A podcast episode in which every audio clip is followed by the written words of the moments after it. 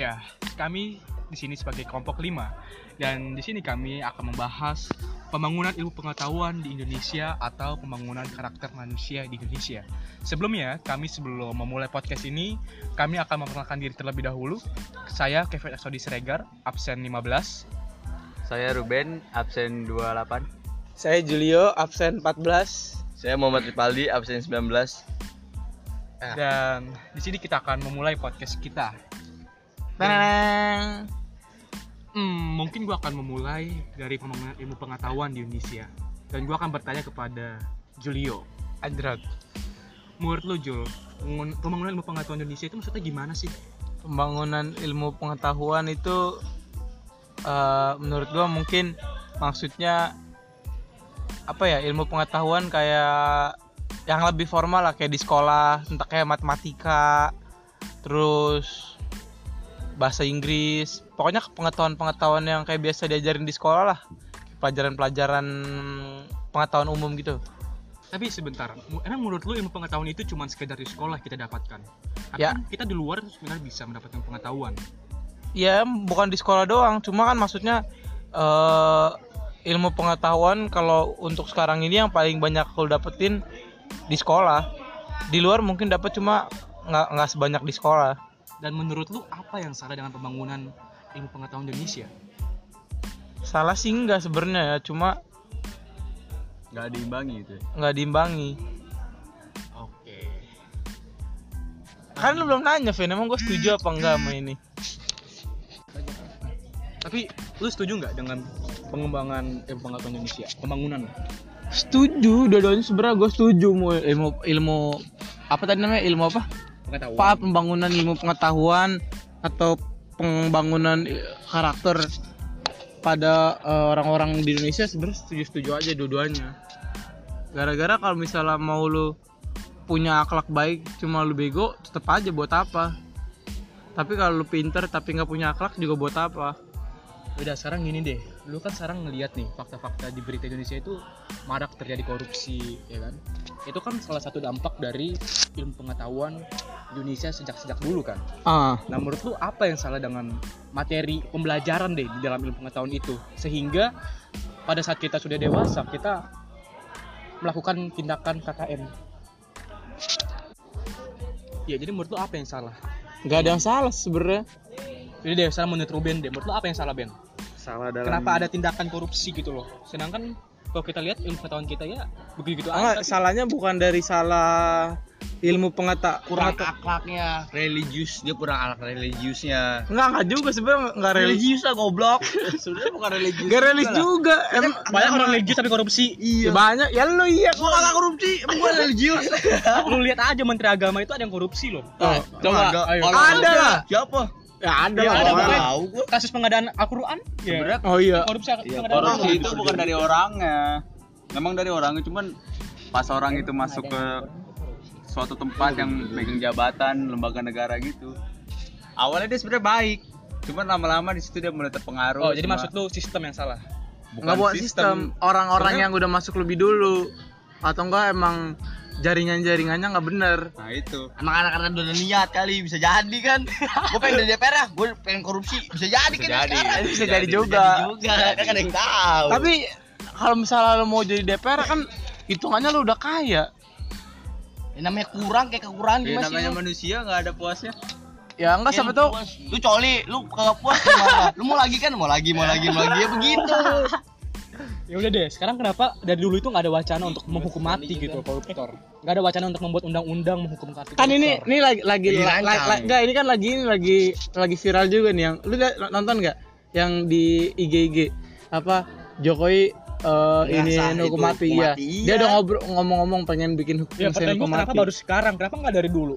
Sejak pemerintahan dulu. Ya kalau misal dari dulu berani. enggak, yang bikin Kali. istilahnya ya- yang bikin peraturan aja korupsi. Masa dia bikin peraturan buat dirinya dia sendiri biar Gitu. dihukum mati? Iya, iya. Mana berani? Jadi menurut lu sebatas itu pembangunan dan pengetahuan Indonesia. Lebih luas sih sebenarnya. Ya udah apa Cuma deh? kalau yang buruk kayak itu.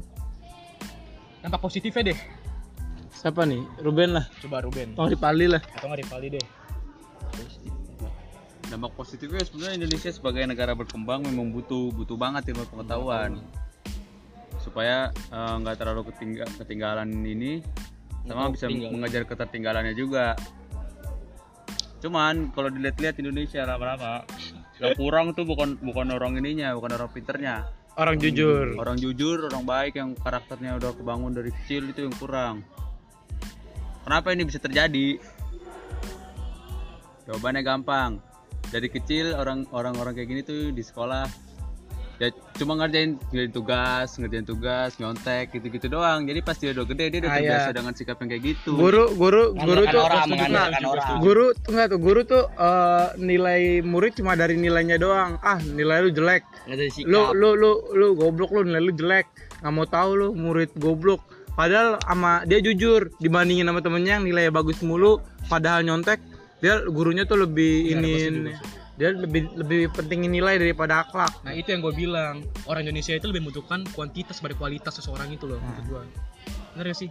Angka-angka mulu yang dinilai sama guru itu. ya Tapi proses itu terkadang nggak terlalu dinilai sama Iya. guru. Sehingga ya nanti pada saat dewasa kita malah korupsi, kolusi dan nepotisme. Nah itu menurut gue nggak baik lah. padahal sebenarnya sekolah yang penting prosesnya kan Iya.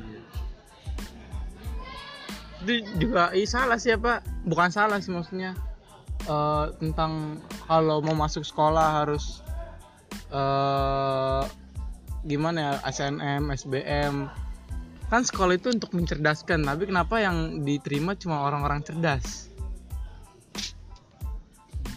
Kalau itu kalau itu ya? lu setuju apa enggak kira-kira?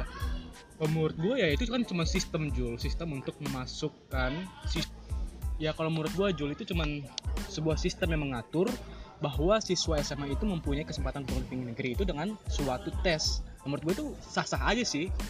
Nah tapi menurut gue untuk SNPTN ini terkadang ada nggak keadilan gitu loh.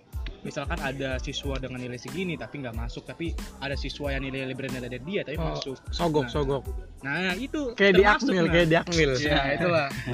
Menurut gue hal-hal itu tuh nggak baik.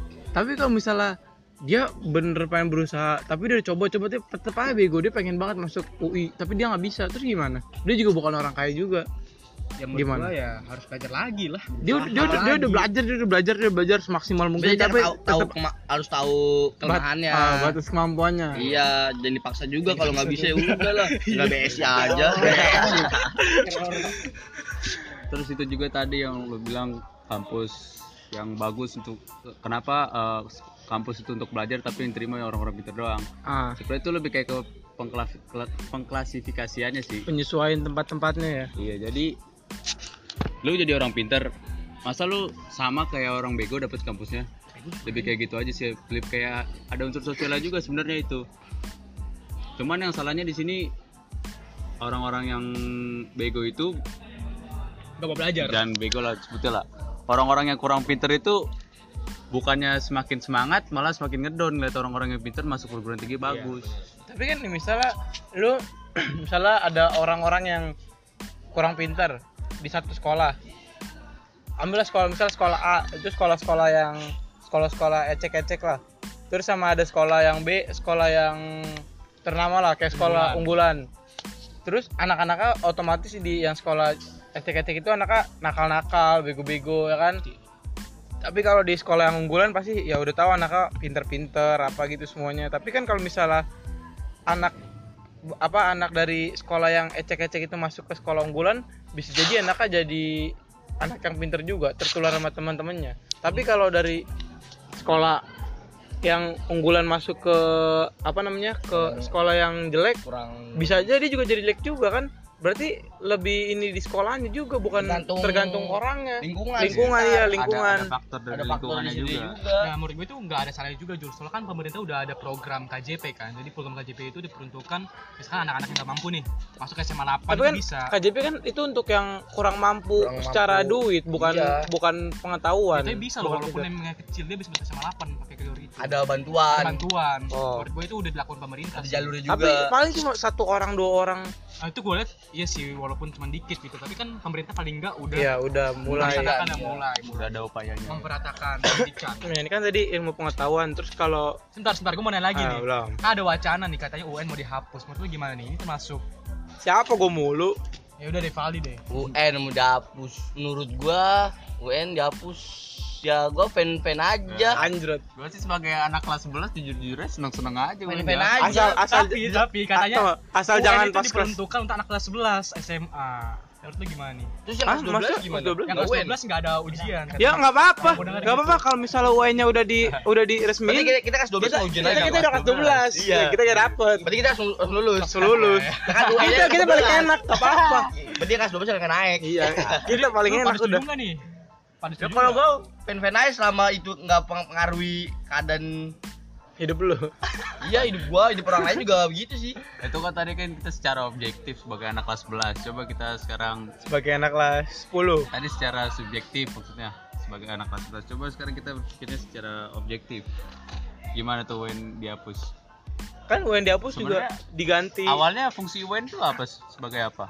Ah, itu untuk Cuman- mengukur katanya, katanya anak untuk Indonesia katanya untuk mengukur. supaya kita bersaing di internasional sih sebenarnya. tanya orang luar dong misalnya gue orang luar Bacot Ada bisa juga kan? Lu tau kan bisa Apa? ujian PISA. Bisa nggak tahu apaan. Ya itu, bisa apa? internasional gitu loh. Oh, itu Oh, berarti maksudnya Iya. UN itu mau ngikutin kayak gitu di Indonesia biar ada kayak bisa itu. Supaya- supaya kemampuan berpikirnya, nalarnya itu menyamai tingkat internasional lah. Bego juga sih dia mau nyamain nyamain ini aja enggak dia dia mau nyamain cara untuk apa untuk apa namanya UN buat apa? Supaya kita sama kemampuannya dengan Ya orang luar. enggak bukan untuk apa? UN itu gunanya untuk Mengukur kemampuan. ya untuk mengukur kemampuan tapi mau nyamain untuk mengukur kemampuan kayak sekolah internasional tapi cara pengajarannya make masih aja pakai cara pengajaran Indonesia yang nggak bisa lah ya kalau mau begitu tergantung atau enggak cara diri diri sendiri gimana dia mau cara belajar dia biar berkembang Lagian juga sekarang gue liat tuh Wen cuma kayak formalitas doang. Eh, iya itu juga ada ijazah cuman biar gua lulus nih kelas sekolah cuma gitu doang kalau kalau cari kerja bisa nggak pakai ijazah mah ba- yakin gue sekolah sepi nggak bakal Iya, seramai iya. sekarang Jadi menurut lu gimana nih? Perubahan yang harus kita lakukan sebagai anak muda. apa buat Untuk perubahan dalam apa Udah perubahan, perubahan dalam diri sendiri atau enggak perubahan dalam skala sekolah? Eh, kalau perubahan dalam hidup gue sendiri belajar sungguh-sungguh. Kalau mau masuk universitas ya kalau mau masuk universitas belajar sungguh-sungguh. Kan gue berdiri sendiri. Nah, kalau buat orang lain. Langsung semua. Apa? Apa? Julio, Julio, Julio deh. Julio apa nih? Julio, perubahannya nih. perubahan apa ya? Perubahan perubahan Atau enggak mungkin lu punya wacana gitu yang ingin lu kirimkan untuk oh, pemerintah. enggak atau enggak gini. Kalau misalnya lu sekolah sekarang kan udah nggak kayak zaman dulu lagi kan. Kalau orang dulu pasti sekolah yang diincar PNS gue mau biar jadi PNS biar lu dipandang baik. Bukan ya biar lu pandang baik juga biar lu terjamin lah aman hidup, Hidup lu lu. sampai tua. Terus eh kerjanya gitu-gitu PNS jadi PNI lu pokoknya harus kuliah dapat S1 udah lu cerah mau ngapain. Pasti orang orang tua dulu mikir gitu kan. Cuma kalau sekarang tapi kan kalau sekarang kan udah nggak bisa kayak gitu lagi. Eh sekarang itu apa pekerjaan-pekerjaan udah udah makin maju nggak kayak zaman dulu lagi kan. Karena gara-gara ada mesin nggak teknologi bukan sih. mesin ya mesin juga, juga- iya itu juga sih cuma sekarang kan karena pola pikiran tadi satu aman, satu aman. Sekarang S1 ada banyak banget. Iya, S1 gimana dibakar. cara ininya? harus iya jadi yang S2. nganggur sarjana pengangguran ya kan Ntar berarti harus nanti apa lama-lama S2 lama-lama S3 Lama-lama S2 ya ini sudah kalau lagi, tetap nganggur lagi. cuma ya sama buat S3 nganggur buat apaan nggak ngabain Indonesia buat maju Kadang-kadang banyak orang yang ngabain eh, kemampuan dia, keterampilan dia demi ku- kuliah. ya kan nih sekarang tuh kuliah sebenarnya bukan lebu- lebih bu- kalau sekolah buat belajar dasar-dasar amal lu dapet ijazah ya masih oke lah, lu belajar eh, sekolah buat dapet ijazah tapi kalau lu udah kuliah cuma buat dapet ijazah mah Ya mendingan salah. mendingan gak usah kuliah Sebenarnya kuliah itu lebih kayak berorganisasi sama ya ngumpulin ilmu-ilmu lu buat di kerja belajar ngomong, bersosialisasi gitu, Iya. gitu tuh di kuliah semua dapatnya sih. Jadi pertanyaan gua, tanda lu bersekolah itu apa? Ya bersekolah Apa lu punya pengetahuan yang tinggi atau lu ya kalau sekolah apa kantor-kantor sekarang mungkin nentuinnya lu sekolah apa enggak dari jasa. Sekolah sebenarnya ya supaya kita dasarnya itu sebenarnya sebenarnya di sekolah ilmu ilmu dasar segala itu di sekolah. Terus sekolah penting juga supaya kita tahu dasar-dasarnya gitu. Cuman jangan sampai terlalu terpaku sama yang namanya nilai ini itu aja sih menurut gua. Gimana sekolah lu? Hah? Eh, terus apa lagi nih? Yaudah, mungkin kita akan masuk ke Mengembangkan pembahasan yang kedua nih. Kita sabar sabar sabar Nih, masuk ke apa ngomong udah? Udah ngabat? Dah, cepetan ngomong. Yaudah sekarang kita akan masuk ke pembahasan kedua nih mengenai pembangunan karakter di Indonesia. Jadi menurut lu gimana nih? Karakter yang bagaimana nih? Gue gak ngerti maksudnya. kalau menurut gua da- di kondisi Indonesia yang sekarang ini karakter lebih penting daripada pengetahuan Kenapa Ben? Ya karena dari karakter bisa menunjukkan sifat asli manusia. Tapi lu kalau cuma punya karakter gak punya pengetahuan untuk apa lu hidup? Ya pasti Untuk apa lu kerja? pasti ada karakter mah. Gak mungkin gak, ada Vin setiap orang. Ilmu juga pasti ada setiap orang. Nggak mungkin gak ada. Tapi dia gimana cara nge- ngembanginnya Yaudah karakternya bagaimana nih yang dimaksud nih? dalam apa? Ya dalam kehidupan sosial kita lah. Yang paling mudah dulu. Ya kalau karakter mah, ya penting lu bisa sosialisasi. karakter yang penting tuh ya nggak nggak ini terlalu jauh sama sesuaiin diri dengan lingkungan Lingkungan. sosialnya Lingkungan sekitar juga. Tapi kalau menurut juga eh lu apa? ada udah lu lama. terus juga karakter kalau dilihat-lihat Indonesia sekarang kan karakternya kan udah mulai kurang, baik, udah kurang. udah mulai pinter tapi kurang jujur. Nah, terus Ya itu Eh, menurut gue sih kejujuran itu nih yang jadi fundamental. terus ada nih karakter yang ada dua dua kayak dua bukan ya kayak dua kubu lah. Pokoknya satu orang-orang yang nggak tahu apa-apa. Contohnya kayak orang-orang ya rakyat-rakyat biasa lah. Satu lagi emang anggota anggota DPR pemerintah pemerintah kan yang anak anggota pemerintah otomatis dipandangnya akhlaknya baik orang pinter. Ya. kalau yang rakyat kan orang pinter udah enggak. Sebagian besar orang pinter enggak. Akhlak mungkin bisa jadi ya bisa jadi enggak banyak orang-orang rakyat yang dibohongin dibohongin sama orang-orang ininya sama apa petinggi petingginya lah istilahnya dia cuma petingginya ngomong apa yang rakyat langsung percaya ini ngomong apa langsung percaya apa kebenarannya belum dia tentu dong itu, iya Mementingkan dia. Dia udah apa lebih percaya omongan dia daripada orang lain. Ya. Ya, begitu mah kagak bagus. Hmm, jadi maksud lu tuh rakyat-rakyat yang karakternya bagus tapi dia karena ilmu pengetahuannya rendah dia Jadi jadi pandang- ah ya bukan mana buruk apa ya? Jadi percaya sama gampang Percaya percaya, gampang percaya gampang sama orang gitu-gitu. sama orang lain yang dia percaya. Ya kayak tokoh agama atau enggak eh, anggota-anggota DPR yang dia percaya kayak habis dari tim suksesnya gitu-gitu lah sebenarnya tuh balik ke diri sendiri sebenarnya. Soalnya lu nggak bisa bilang orang-orang kayak gitu orang-orang kayak gitu pasti ada. Makanya ini sebenarnya balik lagi ke diri sendiri. Gimana cara lu bisa eh, lebih berpikir lagi sebelum lu melakukan sesuatu sebelum lu percaya sesuatu. Lu Iya. lu olah lagi informasi yang lu dapetin. Lu cari kebenarannya gitu-gitu nah sebenarnya. itu itu kayak ini apa? Teorinya Socrates.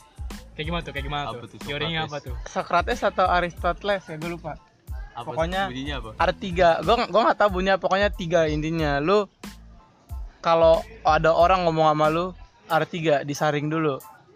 Itu benar apa enggak kalau misal orang bilang enggak orang nggak bilang nggak tahu gua atau orang ya udah berarti itu gua nggak penting gua nggak mau dengar yang kedua ini baik apa buruk?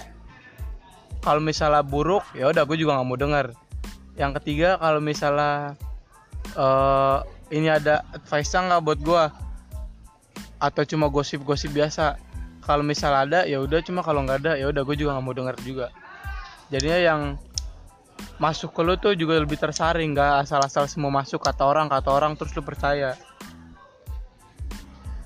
Ah, mungkin gue akan menanya nih. Berbicara soal karakter, pasti erat kaitannya dengan pendidikan kan. Pasti ya Pendidikan karakter, karakter. itu ya dimulai dari pendidikan sekolah dasar lah, uh, ya kan?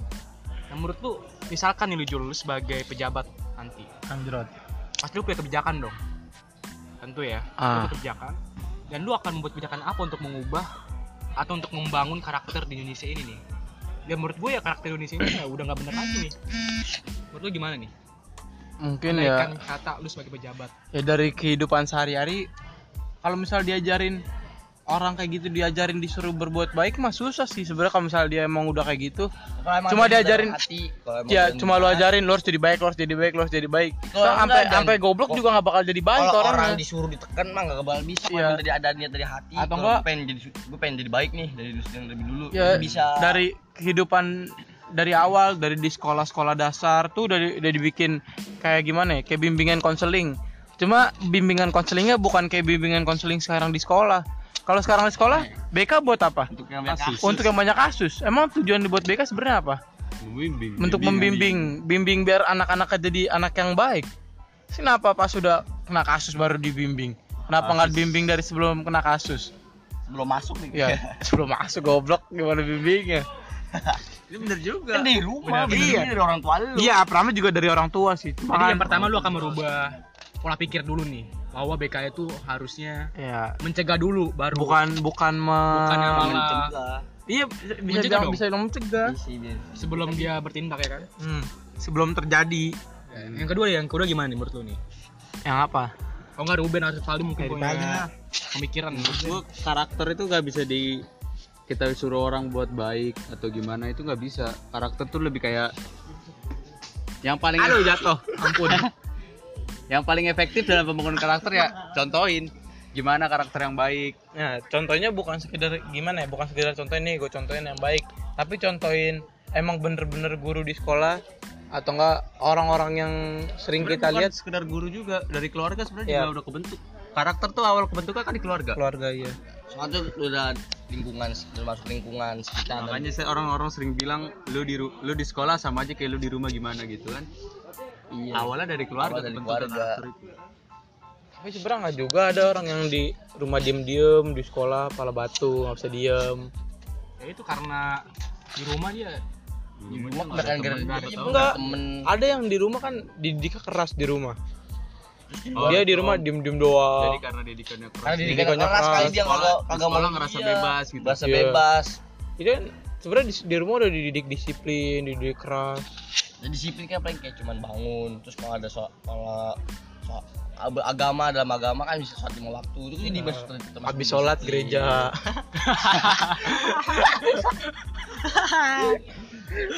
Jangan ketawa dulu, Vin. Ini Masih, masih ini, Vin.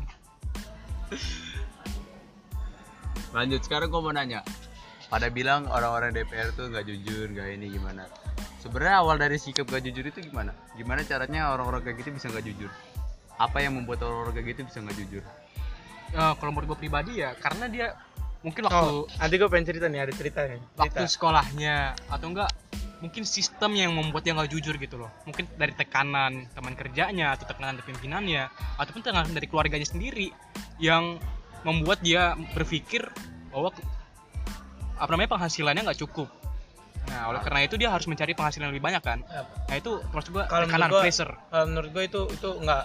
Soalnya otomatis kalau udah bisa bisa jadi DPR, otomatis lu udah kaya.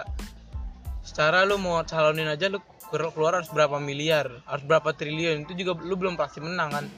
Pas lu nyalonin lu harus beli suara lah. ya itu bikin apa? karena dia udah ngeluarin duit banyak Ya. pas mau di DPR juga pas dia kalau DPR dia harus balik duitnya kalau gitu. lu nggak korupsi sebenarnya gaji DPR juga udah banyak jami apa Tunjangannya. tunjangannya. Itu belum kalau keluar cuy. keluar kan ada tunjangan. Enggak lah. Terus tekanan juga lah. bisa jadi karena tekanan ada tekanan. faktor ya, ini nih, ininya ya, dia gue pengen cerita nih.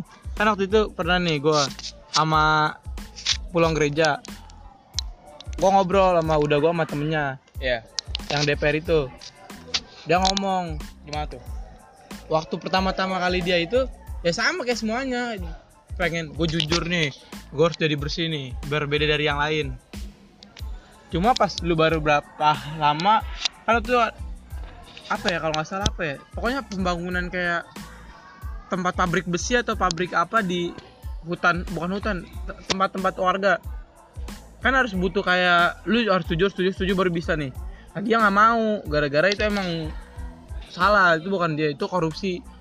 Itu udah pasti nggak bener abis dia lama nggak mau tuh nggak biasa biasa. Kayak oh ya udah kalau nggak mau nggak apa-apa.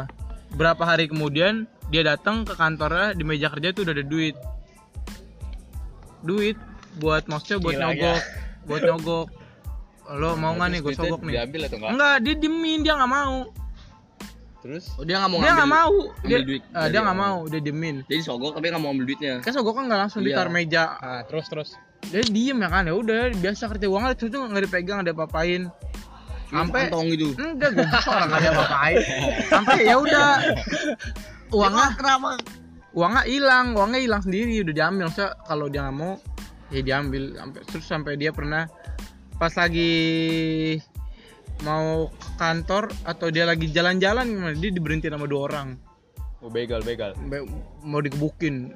Gara-gara oh Gara-gara itu. direncanain kali Iya. apa udah udah bikin di skenario dia nggak mau ngambil duit. Tapi siapa tahu dia orang itu nggak enakan terus dibawa pulang. Dan di dalam perjalanan dia dihadang dua orang. Ya bisa jadi begitu. Oh kalau lu nggak mau gue gebukin. Pokoknya gimana gimana gue lupa. Pokoknya akhirnya gara-gara dia takut tertekan keluarganya takut dia papain dia mau akhirnya dia mau. Nggak nggak- nggak Jadi ngambil duit. iya. dia nggak Iya. ngambil duit pokoknya dia mau. Dia takut. Orang baik ditekan-tekan. Orang dia- gitu. Takut dia takut. Nyogok nggak pakai uang. Dia ngomong eh, dia keluarga nih lu keluarga lu udah mengancam dia Iya. mengancam anaknya mah masih sekolah tuh. Udah lu, lu anak lu masih sekolah nggak aman nih. Lu mau aman nggak? Ya udah lu kalau mau anak lu aman ikut aja. Kalau lu mau ngelawan ya udah tanggung resiko sendiri. Dia takut lah ya Lu kalau kayak gitu mau ngelapor polisi juga salah. iya sih. lu mau lapor polisi juga polisi bisa disogok sama ini iya udah serba lu salah cuy tinggal Makanya. tinggal mati lu udah kalau udah kayak gitu polisi aja sebagai pengayom memiliki karakter nggak jujur terus gimana Ah, iya. ini Maksud- kita mau ke, mau ke siapa percaya gitu? polisi polisi polisi sampai nyanyi anjing Masuk akpolnya itu M. iya iya itu nih Pengen jadi pengusaha nih pengusaha boleh tapi dulu banyak sekolah sekolah bisnis terbesar di Jawa apa Apa? santren bukan bukan UI bukan bukan UGM santren apa tuh apa tuh? Akmil sama Akpol. Ya Oh, itu duit semua bisnis. Jam ke kartu lah bos. Putaran putaran Jam duitnya kartu. lancar iya. terus. setiap tahun jual jual jual. Jual masuk gak nih 900 juta. Juta. Itu udah bener-bener jamin itu iya Nah, jamin itu udah dari masuk. mulai kita mau masuk pendidikannya aja udah nggak jujur. Iya. Pasti Iya, udah gimana kelanjutannya? keluarnya udah nggak jujur juga lah. Iyalah, dari awal udah nggak jujur mau keluar jujur dia berarti kerja akpol cuma biar dipandang bagus Biar duit. lingkungan sekitar. Biar duit juga. Iya. tapi mau iya sih duit duit pandangan lingkungan kita juga iya tuh nggak biar keluarganya ada dekingan ada Pandang, iya dekingan dipandang baik oh ini Nanti polisi dia nih. yang nyogok udah dapet duit, dia masukin saudaranya atau siapa iya iya gitu, gitu itu bisnis itu bisnis juga ber Iya, kayak kayak begitu sebenarnya. kayak bisnis MLM lu udah masuk nih diundang orang. Lu berarti masuk. Kevin ketawa ini kalau bisa video nih. Kevin lagi mangap nih. Kalau bisa video nih. Slow, slow, slow, slow. Vin slow Vin. Udah Vin Vin Pin tahan pin. sabar dulu ya Kevin lagi ketawa. Pin. Udah pin pin pin pin pin. Pin. pin. Allah mafir. kayak ini tau gak sih lu? Apa? MLM apa sih namanya apa namanya yang di di Nenggucep eh, bukan bukan binomo apa ya? Binomo. Yang Melia Melia sehat sejahtera. Melia sehat sejahtera anjing. Lu kalau masuk bayar sejuta langsung dapat sejuta lagi kalau ngajak orang. Nanti kalau dapat ngajak orang lagi dapat 2 juta kalau ngajak orang lagi dapat 3 juta gitu kayak gini kalau di Akmi berarti lu udah masuk dapat duit eh ngasih duit ngajak orang lagi sejuta eh satu miliar satu miliar satu miliar satu miliar. Tapi gini cuy. Di Indonesia banyak kok orang yang jujur tapi dibenci karena mungkin agamanya nih. Perbedaan Wah, agama. agama. Pendapat. Sebenarnya pendapat. awalnya dia bukan dibenci karena agama, awalnya dia dibenci karena kejujuran iya karena kejuaraan Iya, dia. Iya. baru agama itu, agama itu kedok cara untuk menjatuhkan Ah, doang. cara Nah, untuk menjatuhkan dia. Menurut lu gimana tuh orang-orang kayak gitu tuh? Ini, ini kan perlu pola pikir yang bagus. Ya itu sebenarnya balik lagi ke orangnya. eh ke, panjang. bukan ke orangnya ke ke mau lakuin perubahan itu udah jangka panjang itu banget. kok apa orang yang yang tukul kan rakyatnya lah. perlu kita ubah Ben. Ya karena ya orang-orang Indonesia tahu sendiri. Orang kerja bagus jujurnya ada. Tapi di, di ini agama sedikit tuh ya Nah, bakar. terus agamanya berbeda dengan yang minoritas? Tapi ya gitu. kerjanya acak-acakan. Tapi yang kerja acak-acakan korupsi malah disenengin gitu menurut gua. Ini kan karakter juga ya kan Uji Tukul pernah bilang kan apa gunanya ilmu tinggi untuk apa gunanya ilmu tinggi? Lupa lupa kalau lupa, ah udah tahu. Gua ngomong. apa gunanya ilmu tinggi? Kalau untuk hanya mengibuli. Apa? Oh ya, itu. apa gunanya ilmu tinggi? Kalau kalau hanya un- untuk mengibuli. Ah, iya benar benar. mengibuli masyarakat. Nah, kayak ini masyarakat yang di buku bumi, Bumi manusia. Si sus apa Pramudiatur bilang kau boleh berpendidikan apa kau boleh berte- berpendidikan Pendidikan tinggi, tinggi. tapi akhlakmu juga harus tinggi Anjay. Udah 30 menit nih, mau lanjut lagi apa udahan? ya orang pertanyaannya belum kejawab Ya udah. pentingan mana pendidikan pengetahuan atau karakter Ya menurut gimana Jul? Dari dulu. Ya, deh. berarti Dari dulu deh. pentingnya sama-sama penting sih, semuanya penting. Jadi harus balance. Karena segala sesuatu yang berlebihan itu tidak baik. Wih, Jadi semuanya harus simbang. keseimbangan ya Pengetahuan sama Ben, ini. harus ada keseimbangan juga sebenarnya tapi kalau dilihat-lihat dari kondisi sekarang kalau menurut gua ya pendidikan karakter masih lebih penting Kenapa tuh lebih penting? gini menurut gua lebih susah bikin lebih susah eh, ya lebih susah bikin orang bego jadi pinter daripada orang yang karakternya buruk jadi karakter baik Ada kayak Muhammad Hatta. Apa kurang pintar bisa di masih bisa di diubah masih diubah. bisa Tapi kurang jujur sulit diubah. susah banget itu menurut gua kalau dari kecil udah emang kalau karakternya kayak lu tukang bohong Lu tukang curi. bohong. ya kapan lu bohong emang ada buktinya ya ngen bukti bukti Terus- Ya udah, berarti- ya lu mana? Jawab dulu. Menurut mana lebih penting? Wah menurut gue lebih penting setara juga sih karakter dia sekolah terus karakternya juga dikembangin juga dari kecil dari Berarti SD setengah-setengah. ya setara lah bukan setengah-setengah seimbang Simbang ya, setengah-setengah simbang. seratus seratus dah Seratus. beda lah kalau setengah-setengah lah. beda setengah-setengah sama setara beda lu ngerti nggak? Asteng-astengan, asteng-astengan. Ah, nah itu gua Udah, mungkin secara overall ya pembangunan ilmu pengetahuan dan juga karakter sebenarnya kita harus balance ya kan. Ah, Dan menurut gua ilmu pengetahuan itu nggak kalah penting dengan karakter. Karena percuma kita mempunyai karakter yang bagus, tapi pengetahuan kita sebenarnya masih kurang. Dan itu kan perlu kita belajar lagi. Nah itu sebagai manusia itu perlu. Kita tuh harus merasa bodoh gitu loh. Kita harus sering merasa bodoh. Karena apa? Hmm. Ketika kita merasa bodoh, kita akan terus belajar. ya. Dan menurut gua yang kedua adalah kejujuran ini menjadi fundamental nih. Ketika kejujuran itu nggak ada dalam diri kita ya, kita mau kerja apa pun pasti nggak akan jujur juga. nggak bisa. Nanti kita dewasa kita curi uang rakyat Nah, atau paling hal kecil kita nyuri uang teman iya. kita. Tapi kalau lu bego, tapi seenggaknya lu jujur, lu masih bisa jadi PPSU, Iya. jadi Gojek. Gua itu lebih baik. Ya, daripada Juga kemunculan Gojek sama Grab ini kan bagus juga kan mengurangi pengangguran.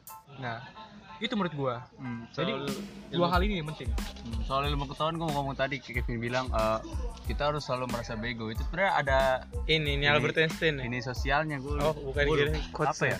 Namanya Dunning Kruger effect di mana orang bego itu ngerasa dirinya pinter. Jadi karena dia bego eh, istilahnya kan wawasan dia kecil tentang suatu hal nih. Dia masih lebih jadi tahu. karena karena eh, gimana ya? Jadi istilahnya kayak pengetahuan dia akan suatu hal itu sebenarnya kecil padahal itu sebenarnya gede Oh, tapi gini. menurut dia dia itu karena dia Gini. bego dia ngira itu kecil Enggak karena dia pinter dia ngira gini kali. Semakin aku tahu banyak hal, semakin tahu aku tahu aku tidak tahu apa-apa. Iya itu. Udah sama mungkin bisa jadi itu sama aja kayak pendidikan moral. Eh, gak kerekam. Orang orang nggak jujur itu sebenarnya nggak sadar kalau dia itu nggak jujur. Orang yang karakternya buruk bisa jadi dia nggak sadar kalau karakternya itu dia buruk. Gitu. Terus Udah terus gimana lagi dulu? ya udah gimana lagi? Udah, sampai sini aja nih. udah sini aja nih. Yaudah, Oh, udah. ya? Pak. Apa penutupan nih? Ya udah. yaudah. Apa Sekian nih? dari kelompok kami. Udah, makasih, Makasih ya. bagus. Tunggu apa next Part 2-nya ya. Part 2-nya ya. Part dua aja. Subscribe. Subscribe. Subscribe.